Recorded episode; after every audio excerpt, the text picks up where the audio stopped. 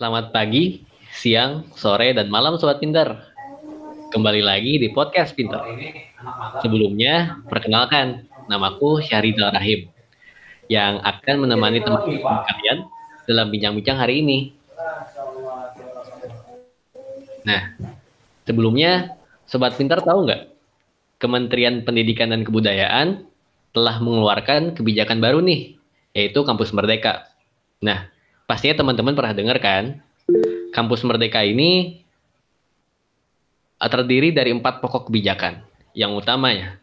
Tapi kali ini kita akan fokus pada kebijakan hak belajar tiga semester di luar program studi.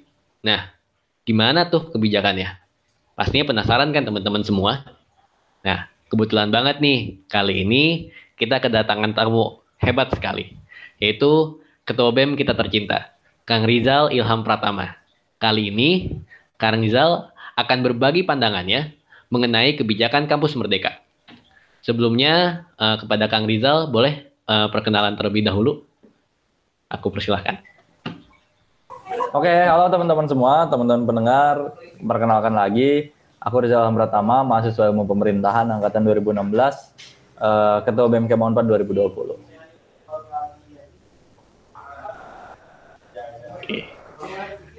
Sebelumnya apa kabar Kang Rizal? Kita udah lama tidak bersua, hampir sekitar berapa ya? Hampir 10 bulan kayaknya dari bulan Iya, 10 Maret. bulan gitu. Sudah bulan-bulan banget kita di dirundung pandemi ini. Tapi ternyata di tengah-tengah pandemi ini ada sebuah kabar baru gitu di, Hmm. di masalah tentang pendidikan kita, khususnya di kampus tentang kampus Merdeka.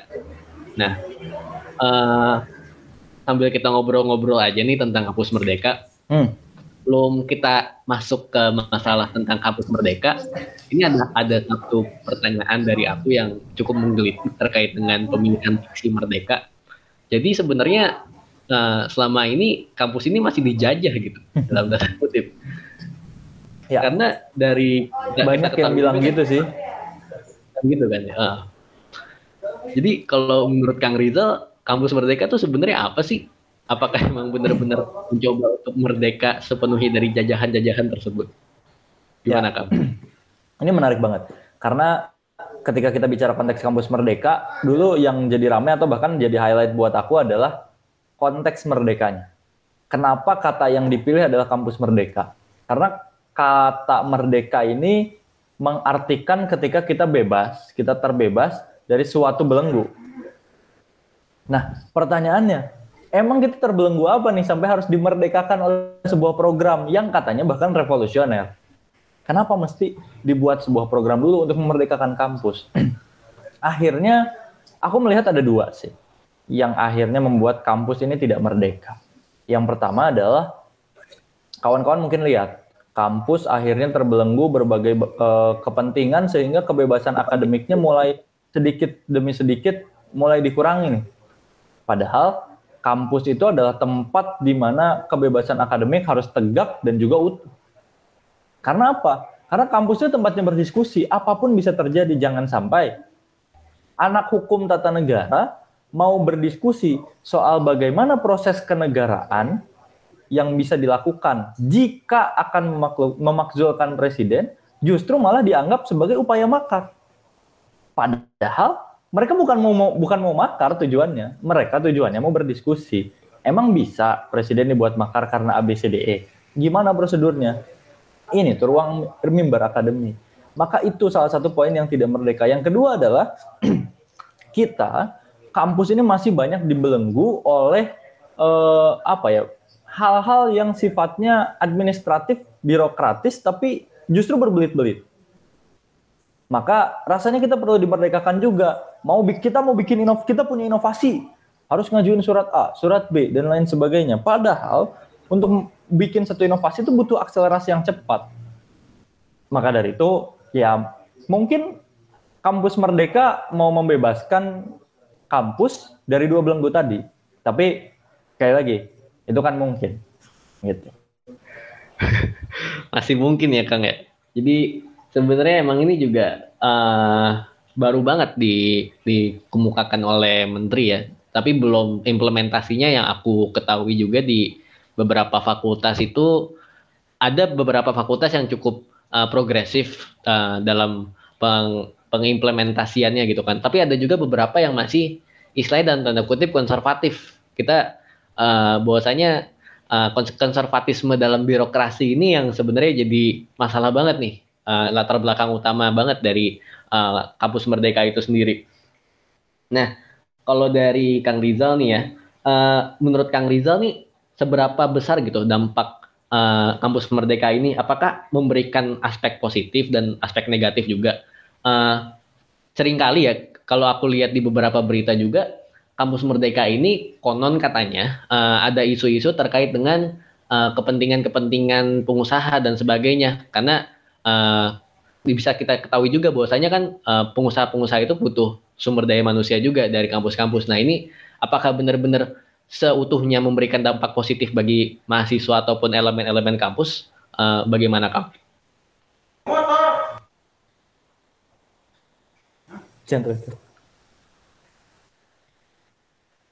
Oke, uh, ketika bicara soal kampus Merdeka ini punya nilai positif atau gimana ya sebenarnya gini, aku melihat bahwa kampus Merdeka ini mencoba untuk melepaskan kampus dari belenggu administrasi. Seperti apa? E, proses akreditasi yang katanya dipermudah, yang akan berbeda dengan administrasi sebelumnya.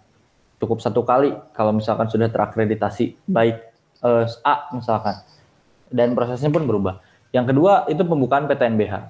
PTNBH ini kan dipermudah pembukaannya, berarti kan proses administrasi lagi gitu. Nah, e, selanjutnya soal misalkan pembelajaran de, yang di luar selama tiga tahun dan lain sebagainya, ini akhirnya aku belum dapat nih, aku belum dapat bagaimana kampus Merdeka ini bisa memberikan kemerdekaan secara substantif kepada kampus.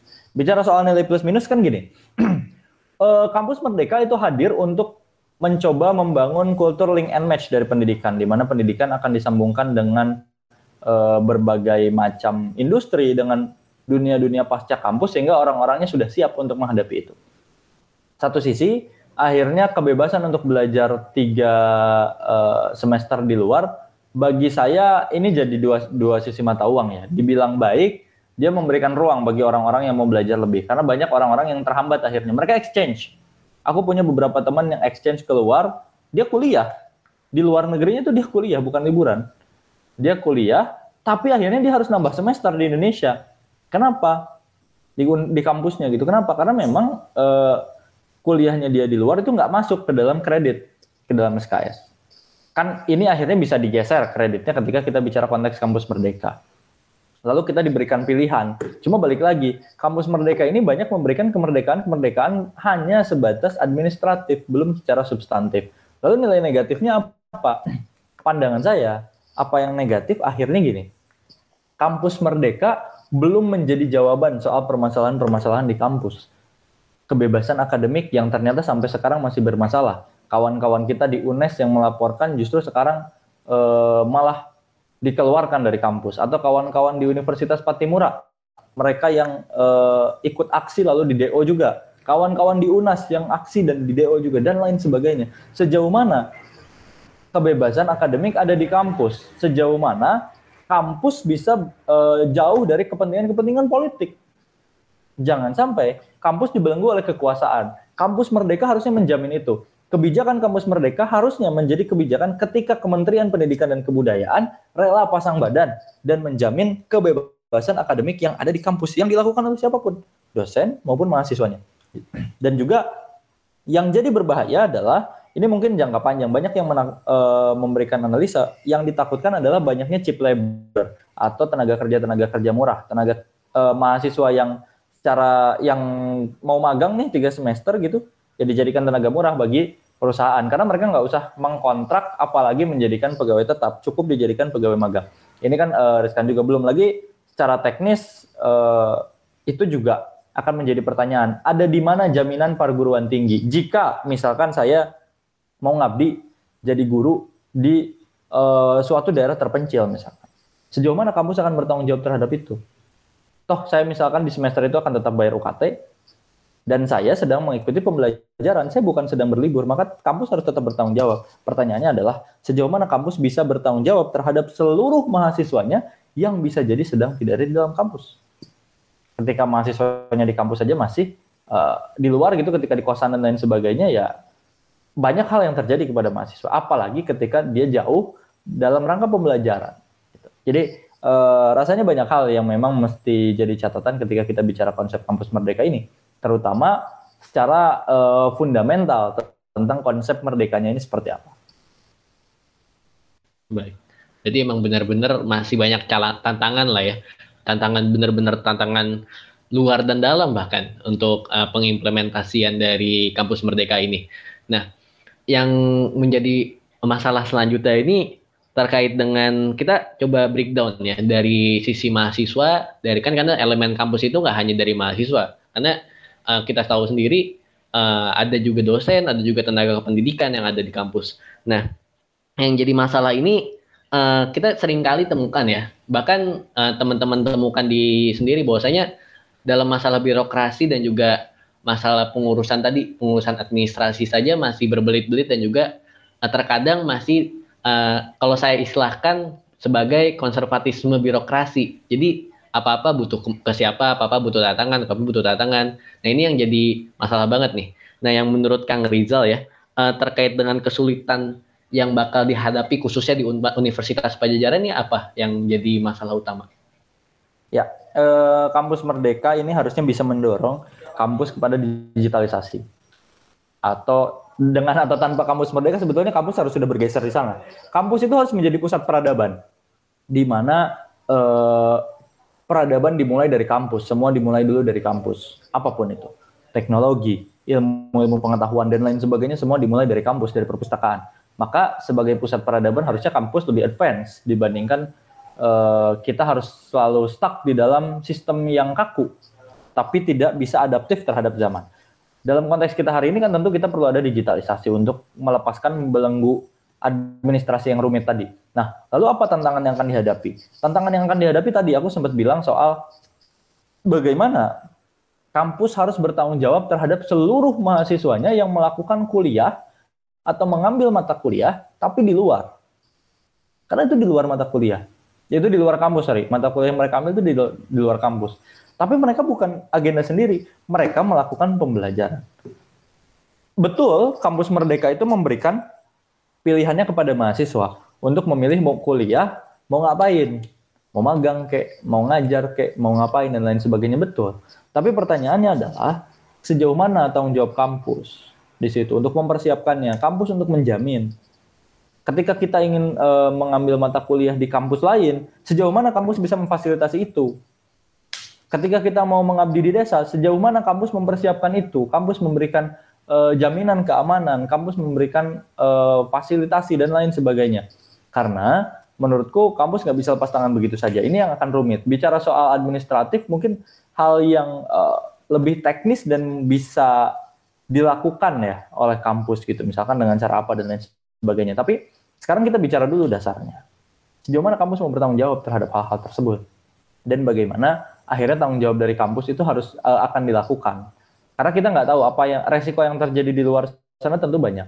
Kampus Merdeka yang katanya Nadim akan menggeser mahasiswa yang biasanya berenang di kolam renang, tapi nanti praktiknya di laut, menjadi kita bawa ke laut, biar mereka ketika praktik sudah tahu. Nah, yang jadi pertanyaan adalah, apakah mahasiswa ini hanya diambil dari kolam renang lalu kita lempar ke laut saja, atau dipindahkan tempat latihannya ke, ke laut tapi dengan pengawasan, dengan guidance, dengan uh, apa namanya, ada tanggung jawab dari kampus di situ. Tentu nggak bisa kampus melepas tangan begitu saja terhadap kawan-kawan yang mengambil uh, tiga semesternya di luar kampus. Jadi gitu. Itu tantangan yang menurutku terbesar ya dibanding adanya PTNBH karena Unpad sudah PTNBH, akreditasi, pembukaan program studi baru, rasanya itu bukan menjadi tantangan yang sulit.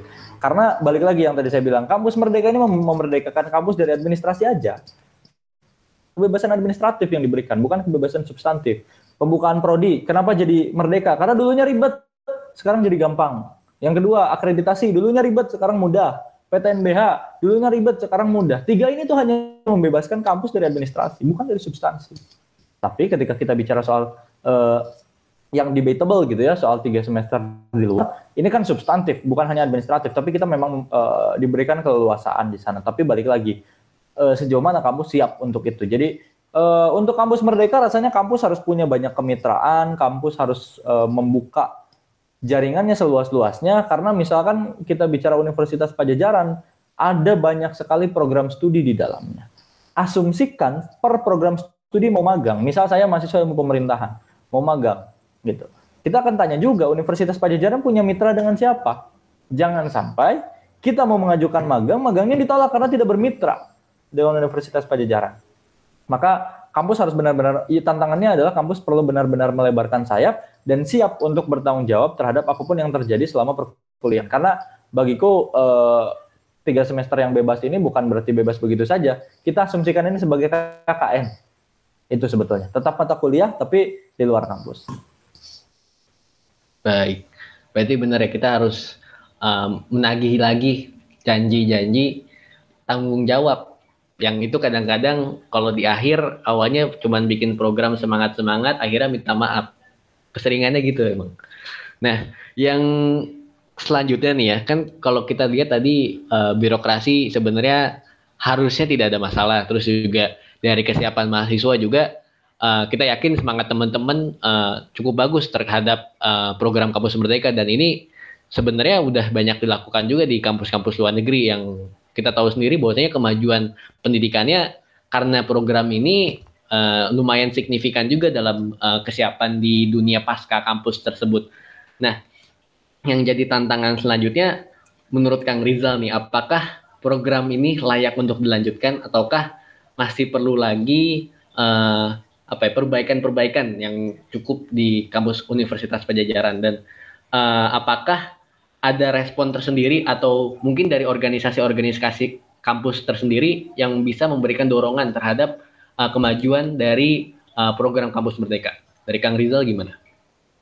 Oke, okay. ketika kita bicara kampus merdeka, akhirnya kan wacana kampus merdeka ini diskursusnya semakin meningkat ketika uh, pandemi ya, karena kita mulai belajar online dan tidak di kampus dan lain sebagainya. Tapi tentu masih ada catatan di situ Nah, akhirnya dengan adanya kampus uh, dengan adanya pandemi ini banyak yang bilang bahwa urgensi kampus merdeka semakin besar. Nah, menurutku apa yang perlu disiapkan? Yang perlu disiapkan adalah yang pertama uh, memastikan dulu bahwa universitas sudah siap.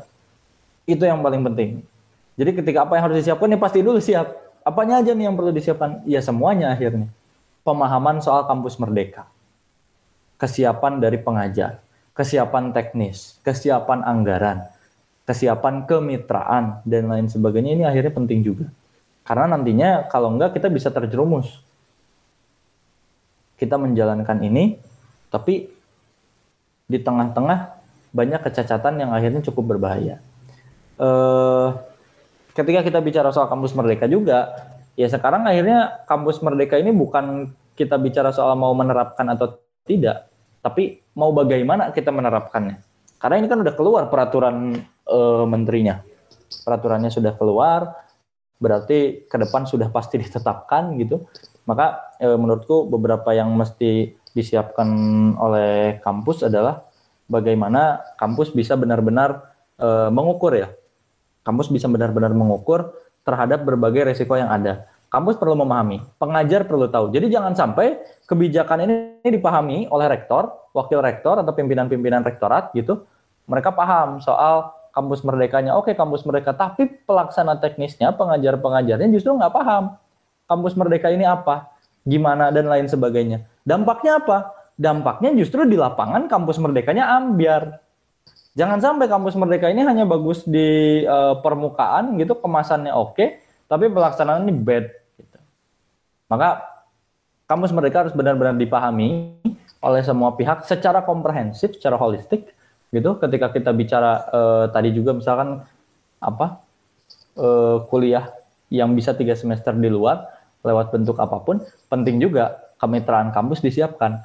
Kampus harus mulai punya jejaring, banyak jejaring. Misalkan berjejaring dengan alumninya, berjejaring dengan berbagai mitra kampus dan lain sebagainya. Baik. Kalau dari aku ada penasaran juga nih terkait dengan uh, peran-peran organisasi kampus juga nih terkait dengan uh, kampus Merdeka. Bagaimana kalau misal uh, dari teman-teman organisasi kampus memandang ini? Karena kita ketahui sendiri kan uh, sebelumnya kan ada kebijakan juga terkait dengan ekstrakurikuler dan juga ada kegiatan-kegiatan kemahasiswaan lainnya. Apakah ini benar-benar bakal berdampak ataukah uh, berdampak positif ataukah negatif terhadap kegiatan uh, kegiatan-kegiatan kampus tersebut, Kang? Ya, kalau misalkan kita bicara dampak, sebetulnya saat ini kawan-kawan lagi ngukur nih, kira-kira dampaknya apa dan gimana. Karena ketika kita bicara dampak, eh, pasti ada lah ya dampaknya. Apalagi kita asumsikan kayak gini, semester satu mah ya teman-teman mahasiswa masih baru, masih pengenalan dan lain sebagainya. Berarti nggak bisa mereka terlalu aktif kita libatkan dalam kegiatan-kegiatan kemahasiswaan. Tapi semester 8 sudah nggak bisa, karena kan sudah mestinya beres. Tapi dari 765 mereka sudah bisa jadi mengambil tiga semesternya di luar kampus. Sisanya kan berarti mahasiswa cuma 2, 3, 4 nih ada di kampus.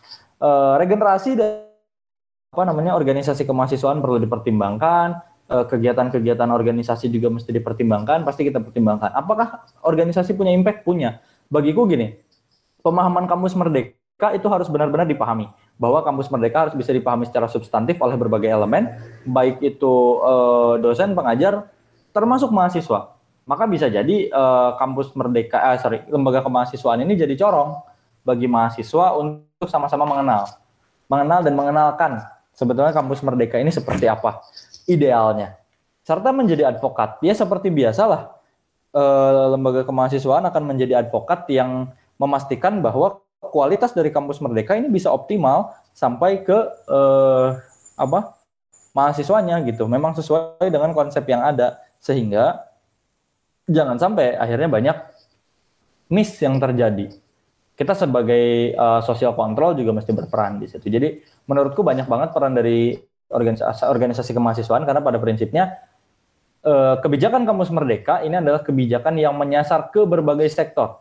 Sektor pengelola universitas, sektor uh, tenaga pendidiknya, sektor mahasiswanya, bahkan sampai sektor yang di luar kampus yang nantinya akan menjadi mitra, termasuk policy makernya yaitu Kemendikbud. Itu sih pandanganku. Baik Kang, jadi benar setuju banget dari Kang Rizal bahwasanya emang harus ada sinergi banget nih di ini dan juga pemahaman bersama ya. dari teman-teman stakeholder ataupun dari setiap sektor yang ada di uh, elemen kampus merdeka ini. Nah, uh, terakhir nih sebelum kita closing, uh, adakah pesan dari Kang Rizal untuk teman-teman yang akan menjalankan uh, program dari kampus merdeka karena kita ketahui sendiri kan dari Kang Rizal juga uh, sudah penghujung masa perkuliahan di kampus dan juga uh, dari setiap stakeholder juga nih yang akan uh, mengalami program uh, kampus merdeka. Dari sisi warga tenaga pendidikan dan juga ada dari uh, luar elemen luar kampus. Itu bagaimana ya Kang? Oke, aku uh, sebetulnya pengen ngajak ini sih, pengen ngajak gimana caranya kita semua bisa sama-sama memahami sama-sama memahami konsep dan konteks kampus merdeka. Itu yang paling penting. Jangan sampai mahasiswa terbuai. Ini ketika kita kita bicara konsep mahasiswa dulu ya konteks mahasiswa dulu. Mahasiswa masih paham apa itu kampus merdeka kebijakannya seperti apa dalam konteksnya seperti apa dan bagaimana mendorong kampus merdeka yang ideal. Jadi uh, kita nggak sampai nerima-nerima aja nih. Apalagi adik-adik kita nanti kawan-kawan mahasiswa baru yang langsung terima kampus merdeka, tapi ketika arahnya tidak jelas ini berbahaya. Justru bisa menjerumuskan mereka. Oleh karenanya ya kita sebagai mahasiswa punya punya peran untuk memastikan bahwa kebijakan yang diterapkan itu adalah kebijakan yang sudah well prepared gitu. Dengan data yang kuat. Itu yang pertama. Yang kedua untuk universitas, ya universitas harus mulai menghitung berbagai resikonya, termasuk dengan Kemendikbud. Sehingga nanti uh, pelaksanaannya juga bisa optimal dan terukur. Jangan sampai ada dilaksanakan tapi memaksakan. Itu harus kita hindari. Ketika di awal masih transisi banyak kekurangan, ya pasti itu menjelas. Tapi jangan sampai banyak kekurangannya tidak terhitung gitu. Berbagai kekurangan bisa jadi tapi harus terukur. Sudah terantisipasi juga.